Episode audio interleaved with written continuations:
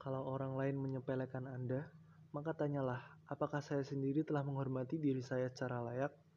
Dua telinga yang paling sering mendengarkan kata-kata Anda adalah telinga Anda sendiri. Jadi, ketika Anda suka maki orang lain, sebenarnya diri Anda lah yang pertama kali merasakan akibat dari kata-kata buruk tersebut.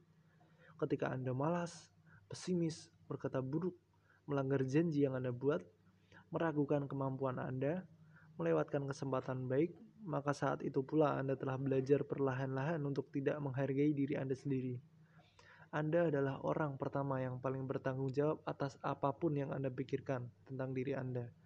Positif atau negatif, dua-duanya benar. Pemaknaan subjektif atas kejadian dan peristiwa yang terjadi dalam hidup Anda sangat berpengaruh terhadap cara Anda menilai dan menghargai diri Anda sendiri. Karena itu, pastikan Anda masih bisa melihat pada hal-hal positif meski mengalami kejadian yang buruk